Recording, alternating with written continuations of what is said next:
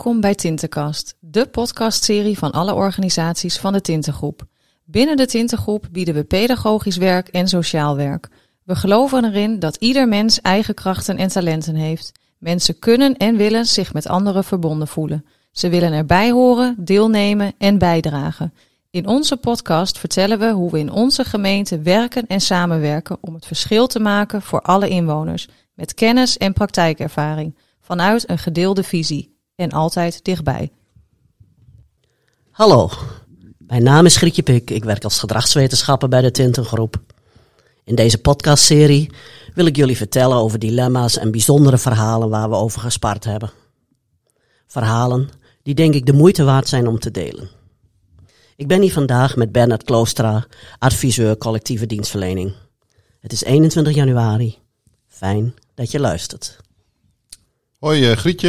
Hi. Nou, uh, Hi. vandaag zitten we weer Ja. bij elkaar voor een nieuwe podcast. Ja, Leuk. Eh, het onderwerp van vandaag zijn 16-jarigen. Eh, waarom is het eigenlijk zo'n bijzondere leeftijd? ja. Vanaf 16 jaar eh, kan een eh, jongere zelf eh, om hulp vragen. En ouders hoeven daar eigenlijk in de eerste instantie niet bij betrokken te worden. Een jongere die kan dus zelf eh, ja, klant worden, heeft een eigen dossier waar hij alleen zelf in kan kijken eigenlijk. En er worden eh, mij ook wel vaak vragen gesteld over de 16-jarigen. Hoe, hoe ver gaat dat nou eigenlijk met de vrijheid? Want ouders hebben toch ook, ja, hebben ook ouderlijk gezag. En eh, dat gaat tot 18. En eh, ouders hebben onderhoudsplicht en dat gaat tot 21. En hoe zit dat dan? Nou ja, eigenlijk, eigenlijk is het wel duidelijk dat een jongere van 16 eh, meer rechten en plichten heeft dan wanneer je wat jonger bent. Maar eigenlijk vind ik zelf dat het bij 16 en 17-jarigen nog wat meer van je eigen afwegingen als professional afhangt. Eh, mag ik iets doen als professional of moet ik iets doen? Ehm, ja, je moet er eigenlijk meer over nadenken, omdat je inderdaad ook nog te maken hebt met eh, nou ja, het ouderlijk gezag of onderhoudsplicht van ouders. En nou ja, wat verder nog wel, wel belangrijk is, eh, een, een jongere van 16 eh, heeft natuurlijk een band, tenminste als het goed is, heeft hij nog een band met zijn ouders. En o- ook daarboven natuurlijk nog. Dus het gaat niet alleen over rechten en plichten. Maar het gaat er ook om eh, dat kinderen een band hebben. En een band is niet altijd goed. En daarom komen ze ook zelf eh, naar jou toe. naar jou toe als hulpverlener. Maar het is wel belangrijk om daarbij na te denken. Ook al wil een jongere daar op dat moment niet zoveel van weten, zeg maar. Want ik kan me voorstellen dat, dat het best ingewikkeld is om zo'n grens te bepalen van wanneer ga je met ouders in gesprek. Ja. Oh, en, Ja. en, en wanneer doe je dat wel, wanneer doe je dat niet? Ja, kun, nou, kun je daar iets over vertellen? Ja, ja. Nou ja, ja we, er zijn natuurlijk wel wat voorbeelden eh, te noemen. eh, en wanneer bijvoorbeeld een jongere echt roekeloos eh, verdrag vertoont, zichzelf of anderen verwaarloost, beschadigt, eh, ja, eigenlijk een beetje eh, zonder verstand allerlei dingen doet, dat, dan is het eigenlijk wel voor de hand liggend en logisch dat je ouders gaat betrekken. Jongeren moeten worden opgevoed, ook vanaf hun zestiende. En eh, die taak ligt bij ouders. Ja. Gelukkig maar, denk ik. En eh, ja, ik, ik heb wel een voorbeeld van een situatie waar je in terecht kunt komen. Eh, bijvoorbeeld een jeugdmaatschappelijk werker die contact heeft met een jongere, met een jongen van 16, eh, heel laagdrempelig op school. Hij komt daar niet veel.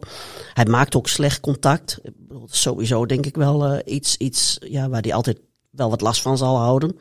Eh, en de jeugdmaatschappelijk werker eh, heeft wel contact met hem. En eh, zij steekt ook, ja, wat je dan noemt, laagdrempelig in. Ze, Ja. en, en ze is ook de enige die contact met, zo, met deze jongen had. En het was wel bekend, ook op school, dat het contact tussen de jongen en zijn ouders niet goed is. De jongen komt steeds minder op school. Het is mbo-onderwijs, dus dan, dan is het ook nog weer wat anders tussen de leiding van de school en contact met ouders.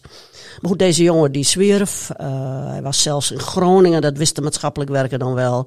Ging aan het eind van de dag naar huis, maar hij had het eigenlijk wel zo dat hij ook wel wat bang was voor zijn ouders. Dus hij wilde wel de schijn, schijn ophouden dat hij eh, naar school ging en eh nou ja, s'avonds weer thuis kwam. En ja, we hebben er een paar keer over gespaard. Zo van, wat, wat moet je nou met deze situatie? Eh, de jongen wil absoluut niet dat ouders iets te weten komen. Maar ja, bij zo'n jongen kun je ook afvragen, bij alle jonge mensen, jongvolwassenen. Ja, wat vindt hij nog wel belangrijk? Ja. Waar gaat hij voor? Waar, waar, uh, ja, waar krijgt hij passie van? Hoe komt, maar ook, ja, hoe, hoe, hoe wil hij het later? Of, of ja, hoe komt hij aan zijn geld, aan zijn eten? Nou ja, je probeert eigenlijk met die jongen constant in gesprek te komen, constant aanknopingspunten uh, te vinden om ook een beetje ja, perspectief uh, te voelen of te zien. En, en ja, wat daarbij hoort, is natuurlijk, heeft een jongen een netwerk of is hij helemaal in zijn eentje? En ben jij eigenlijk de enige die met hem contact heeft? Heeft hij mensen waar hij überhaupt op kan terugvallen? Ja. Nou ja. En nou ja, goed, daar hebben we een paar keer over gespaard en, en zo van doorgaan, doorgaan en uh, proberen niet los te laten. Maar op een gegeven moment zei de jeugdmaatschappelijk werkster en dat, uh, nou ja, dat triggerde haar zelf ook wel. Uh, ik, ik maak me echt wel wat meer zorgen, want hij wordt erg mager. En nou ja, toen hebben we gezegd, ja, hij is gewoon minderjarig en de grens is eigenlijk wel bereikt in wat hij zelf mag vinden of mag mag willen in zijn eentje. En dan kun je nog wel voorzichtig opereren, maar je hebt er niks aan als je een bom gooit of zegt. Uh, ben je ook uit beeld en. Uh, is die weg en dan is het afgelopen. dat dat gaat dan niet. Ja. En nou, het, het is dan een beetje zoeken. Wat je dan eigenlijk gaat doen is iemand toch in zijn netwerk uh, proberen te vinden om samen met hem toch met ouders in gesprek te gaan. En zelf ook vast te houden. En wij hebben dat toen met de POH-huisarts gedaan. Want die kende hij en nou ja, goed, die kende ook zijn ouders. En ja, dat is dan uiteindelijk hoe je in gesprek gaat. Maar, maar je merkt al wel aan hoe je uh, hier opereert, dat je voorzichtig opereert. Want je wil eigenlijk contact niet verliezen en je wil ook dat er, ja, dat er voor hem, ja, je wil hem heel erg motiveren. Hè? Motiveren is ook bijna ja. altijd de kern van ons werk. Motiveren om wat van je leven te maken, om, om, om het op te pakken. Dat is eigenlijk wel een beetje, uh, ja. ja, nou, dat was in elk geval bij deze jongen uh, heel belangrijke leidraad. Uh, ja, en, en, en, de POH heeft dan het contact met, met, uh, met de ouders opgezocht? Of met dat, hebben ze, dat, hebben ze, dat hebben ze samen gedaan. Hoe oh, het verhaal afgelopen is, dat, dat hoor ik niet altijd terug. In dit geval nee, ook okay. niet.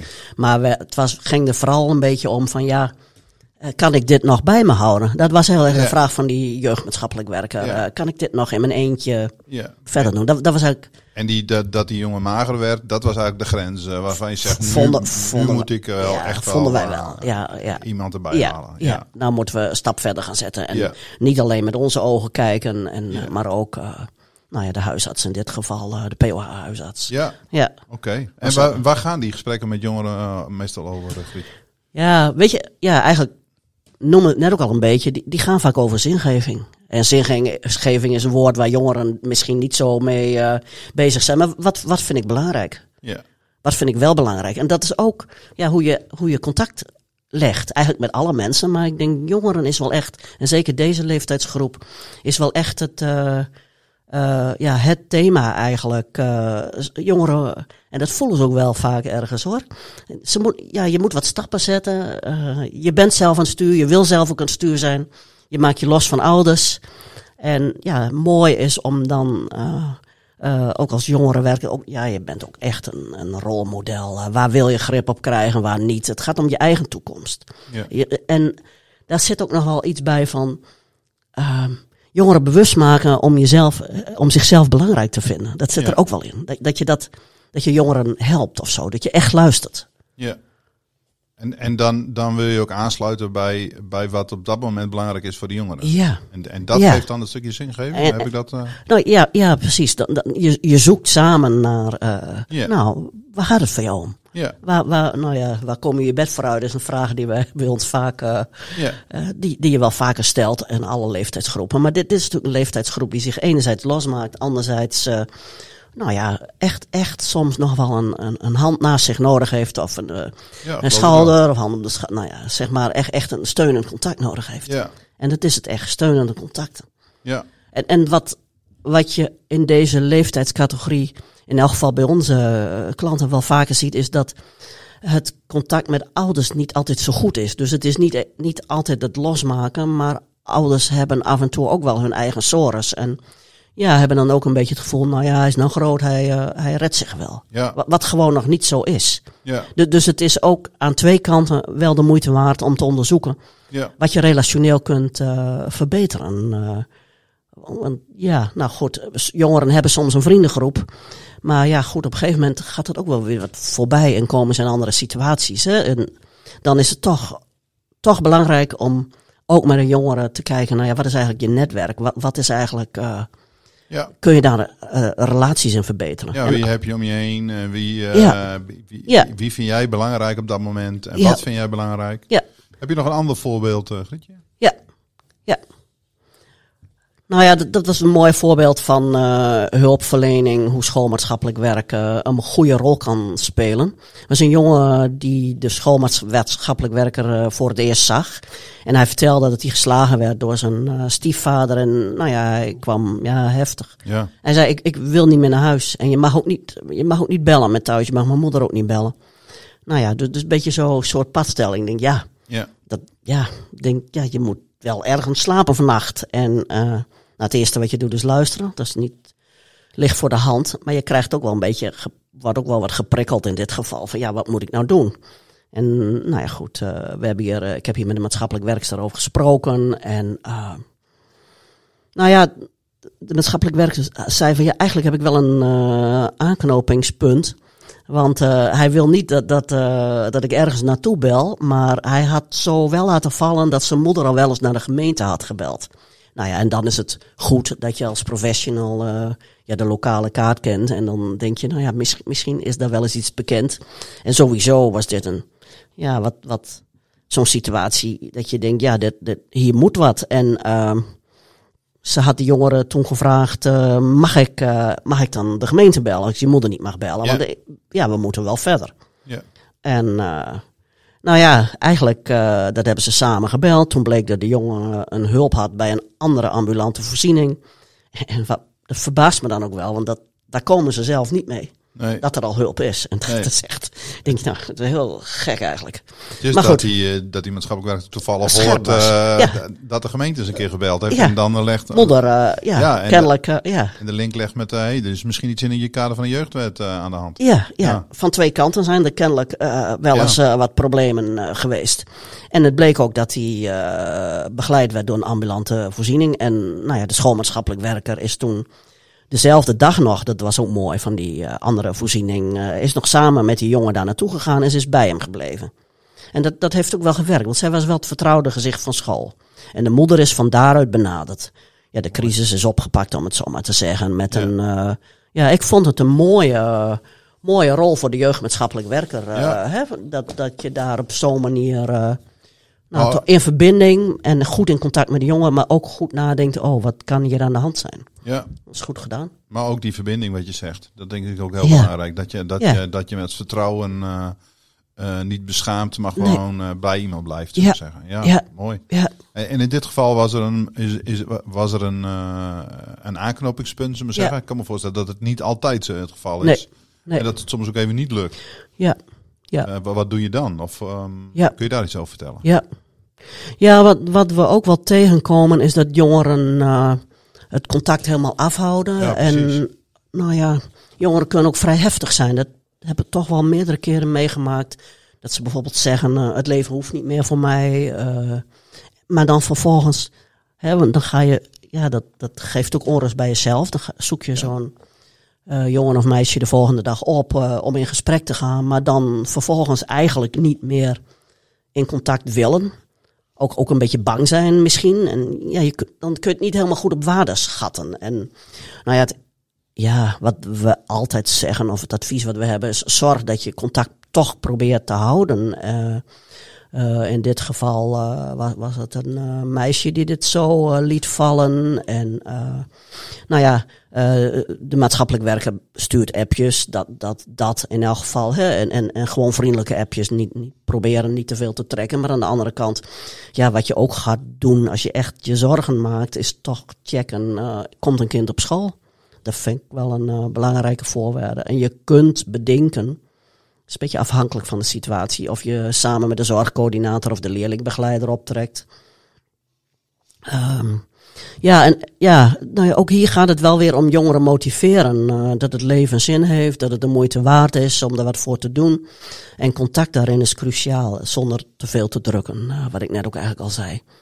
En ja, als je echt twijfelt, uh, of wanneer het echt, echt dik over de grens gaat. Uh, ja, we hebben binnen de tintengroep een uh, suïcideprotocol. Het is eigenlijk een beetje een raar woord, want het gaat eigenlijk om situaties nou ja, dat kinderen toch tekenen geven, ik wil niet meer. Hè? En, ja, wat je net zei, ja, dat ze ja. de, de, zaak afhouden en ja. eigenlijk aangeven, ik wil niet meer. Ja, je, en je hebt dan eigenlijk, als het niet lukt om via de huis, voor de, met ouders in gesprek te komen, heb je wel een optie ook om zonder toestemming met, met de huisarts contact te zoeken. Okay. Dat, dat, dat is eigenlijk de, de ruggensteun die je dan ja. vanuit de organisatie ook hebt. Wij, wij kunnen niet alles uh, ja, we moeten een inschatting maken uh, hoe het met iemand is. En ja. uh, je gaat dat, als het even kan, ga je dat wel delen met, met je klant.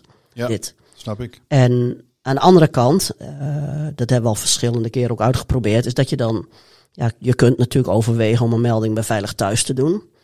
Alleen dan moet je meer feiten hebben. Een, een jongere die zegt, nou ik wil niet meer, is te vaag. Daar gaat een veilig thuis niet op lopen. Ja, dat klinkt wat. Uh, ja. Er moet wat meer. En mijn ervaring is dat je eigenlijk beter een ja, netwerkje op, op kan bouwen. Wat ook een beetje een netwerkje van de jongeren is. En uh, vervolgens ja, stappen zet. En kijkt wie vanuit het netwerk bijvoorbeeld contact ook met ouders zoekt. Ja. En dat, dat is dan He, natuurlijk is dat de insteek, maar ja, dat kan, kan verschillend zijn. Je zorgen zijn, kunnen ook verschillend zijn. Dus ja. context, uh, bepaal, je maakt eigenlijk steeds een inschatting. Ja. En, en je maakt ook een inschatting uh, nou ja, van de draagkracht, draaglast ja. van, van een jongere. Hoe, hoe voelt het? Uh, heeft het op school vrienden?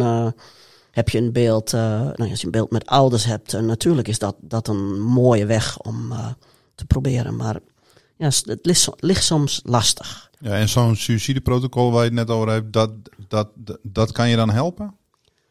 Ja, want eigenlijk uh, staan daar de stappen in. Uh, nou ja, op, op welk moment maak je de afweging? Uh, nu ga ik, okay. ja. nu ga ik een, een, de huisarts inschakelen. Je, ja. En nou ja, goed, met de huisarts bepaal je dan verdere stappen. Ja. En nou ja, goed, een huisarts die weet soms ook wat jij niet weet, namelijk, nou ja, dat, of er al eerder hulp geweest is. Dat is toch een beetje soms de vluchtigheid van sociaal werk. We weten niet of er ergens iets is, maar, maar uh, of, of is geweest in het verleden, of behandeling of hulp is geweest. Ja. Soms weet je het wel, soms weet je het niet. Nou, het ik is, kan me dat wel voorstellen. Dat je als je dan zo'n protocol volgt en je, je wil zonder toestemming of, of je gaat zonder toestemming iets doen voor de jongeren, moet je wel heel goed weten waarom je dat doet. Uh, waarom je dat doet. Hè? Ja. En dat je dat ook weer aan de jongeren kan uitleggen. Ja. Van ja, op dit moment maak ik me zo zorgen en ik snap dat je dat niet wil, maar dit ga ik wel doen. Ik doe dit uit zorg voor jou, uh, ga ik dit nu wel doen. Ja. En als je zo ver zit, maar goed, dat, dat ja, hè, uh, je, je, maakt ook zo'n afweging dan met z'n tweeën. Hey, je, zoekt ben, je zoekt, als je echt, echt twijfelt, dan zoek je contact met, met uh, een ervaren collega. Met mij kan je contact zoeken ja. natuurlijk. Uh, ja. en, en dan ga je samen zeggen, nou, nu, nu gaan we het wel doen. Ja. En, en dat is ook om, ook om jou als werker ook wat rugdekking te geven, of wat steun te geven. Uh, ja. dit, dit, dit gaat echt te ver. Ja, die afweging moet je ook nooit alleen maken. Nee, ik, hè? nee dat is altijd nee. zoek steun in, om je heen en, en misschien ja. een teamleider. Ja. Of, uh, ja. ja. en veilig thuis constateren kan natuurlijk ook. Ja, ja zo, zo gaat het natuurlijk. Alleen, ja goed, we, we weten dat als het zo wat vager met jongeren, dan, dan, ja, dan is het niet vaak reden voor hen om, om er met een... Uh, nou ja, met toeters en bellen op af te gaan. Dat, dat, lukt, dat lukt ook niet goed. Daar hebben ze niet genoeg grond om op stap te gaan. Dus eigenlijk is het antwoord op de vraag, we komen even een beetje naar een afsluiting, hoe, hoe ver moet je gaan bij 16 en 17-jarigen, is eigenlijk dat je met 16 en 17-jarigen nog meer te maken hebt met je eigen afwegingen. Moet ik iets doen ja. of mag ik iets doen? Ja. En wat kan ik dan doen en, en hoe kan ik dat dan doen? Nou ja, goed. En uh, betrek elkaar en uh, ja, hoe meer je de afweging samen kunt maken, uh, hoe steviger je staat. Dat is eigenlijk ja. uh, de boodschap. Nou, goed. Mooi. En mooi dat jij er ook uh, beschikbaar bent voor dit soort vragen. Hè? Dan, ja. ik kan me voorstellen als je hiermee rondloopt als buurtwerker of, en, en je wil... ja, als, als iemand, zo'n jongere dat tegen jou zegt van ja, ja ik zie het leven niet meer zitten. Ja. Dan, dan snap ik dat je, nou, dat je, dat je daar wel vragen over hebt. Wat moet ik nu doen? En wat wil ik doen en wat, wat moet ik doen? Ja. Zoals je dat net net zo mooi Nou, zei. zeker. Ja, Ja. zeker. Ja, Dus zo, zeker. Ja, mooi. Ja, oké. Nou, ja, dit was het voor vandaag, Ja. eh, Bernard. Dankjewel. En eh, luisteraars, eh, bedankt. En het, ja, we vinden het fijn als je ons laat weten wat je ervan vindt. Of suggesties hebt voor een onderwerp. Misschien wil je ook wel eens een keer een onderwerp bespreken. Dit was het voor vandaag. De podcast van de volgende keer gaat over financiële afhankelijkheidsrelaties. Grietje, bedankt. Bedankt voor het luisteren naar deze podcast, gemaakt door en met medewerkers van de Tintengroep. We hopen dat je erdoor geïnspireerd bent en nodigen je uit om ons kanaal te blijven volgen. Heb je vragen of ideeën voor een ander onderwerp waar je graag meer over hoort? Laat het ons weten.